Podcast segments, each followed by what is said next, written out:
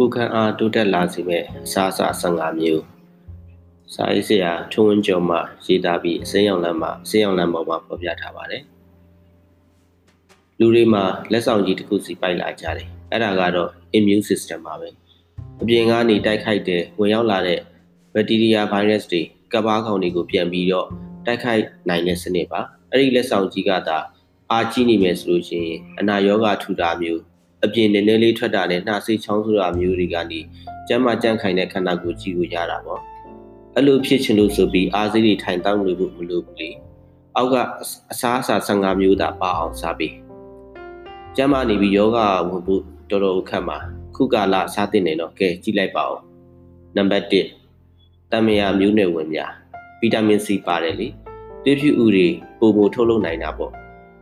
မျိုးနွယ်တော်တွေတဲ့တမယာသည် grapefruit သည်ရှောက်သည်လီမွန်သည်စတဲ့အသီးတွေပါပါတယ်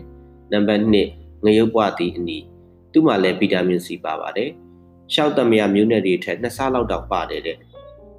ဘီတာကယ်ရိုတင်းလည်းပါတော့ကိုခံအားတိုးတက်ရုံသာမကအသားရည်လည်းလှမျက်စိလည်းကောင်းစေပါတယ်နံပါတ်3ပန်းကော်ပီစိတ်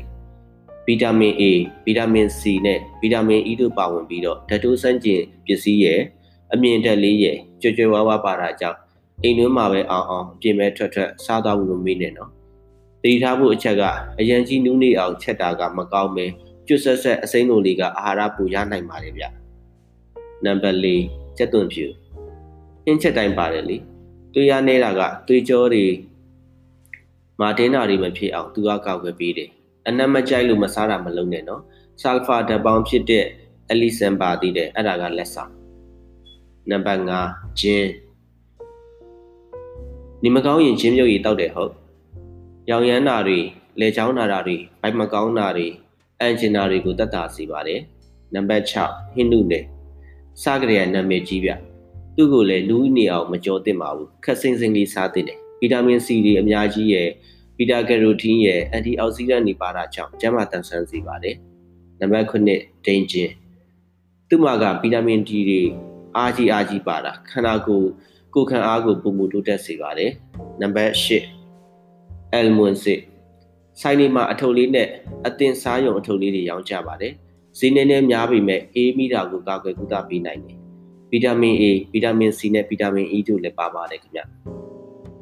နံပါတ်9စနွန်အယောင်လေးလှဖို့စနင်းထက်ချက်အသားရည်တွေလှဖို့စနင်းလေးဒူးနာခါနာစနင်းအောင်အဲ့လိုတုံးချတာလားချက်သားတွေကိုတတ်မှစီတယ်ကိုခံအားလည်းတိုးစီတာပေါ့ နံပါတ်30လက်ဖက်စိတ် ECEG လို့အတူကောက်ခေါ်တဲ့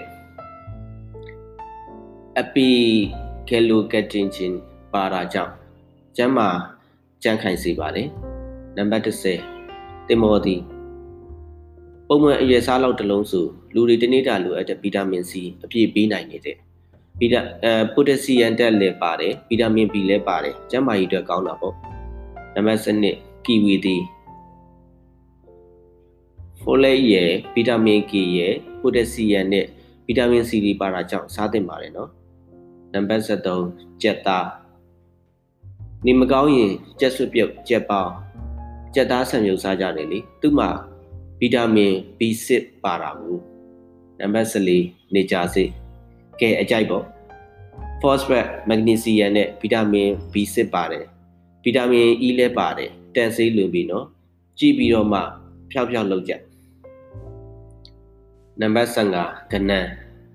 စင်းတက်အများကြီးလိုပါလေတဲ့ကဲဘာလို့သေးလဲအစာလဲဆေးဆေးလဲအစာပေါ့ကျမရေးကြီးစိုက်ကြပါထုံးဝန်းကျော်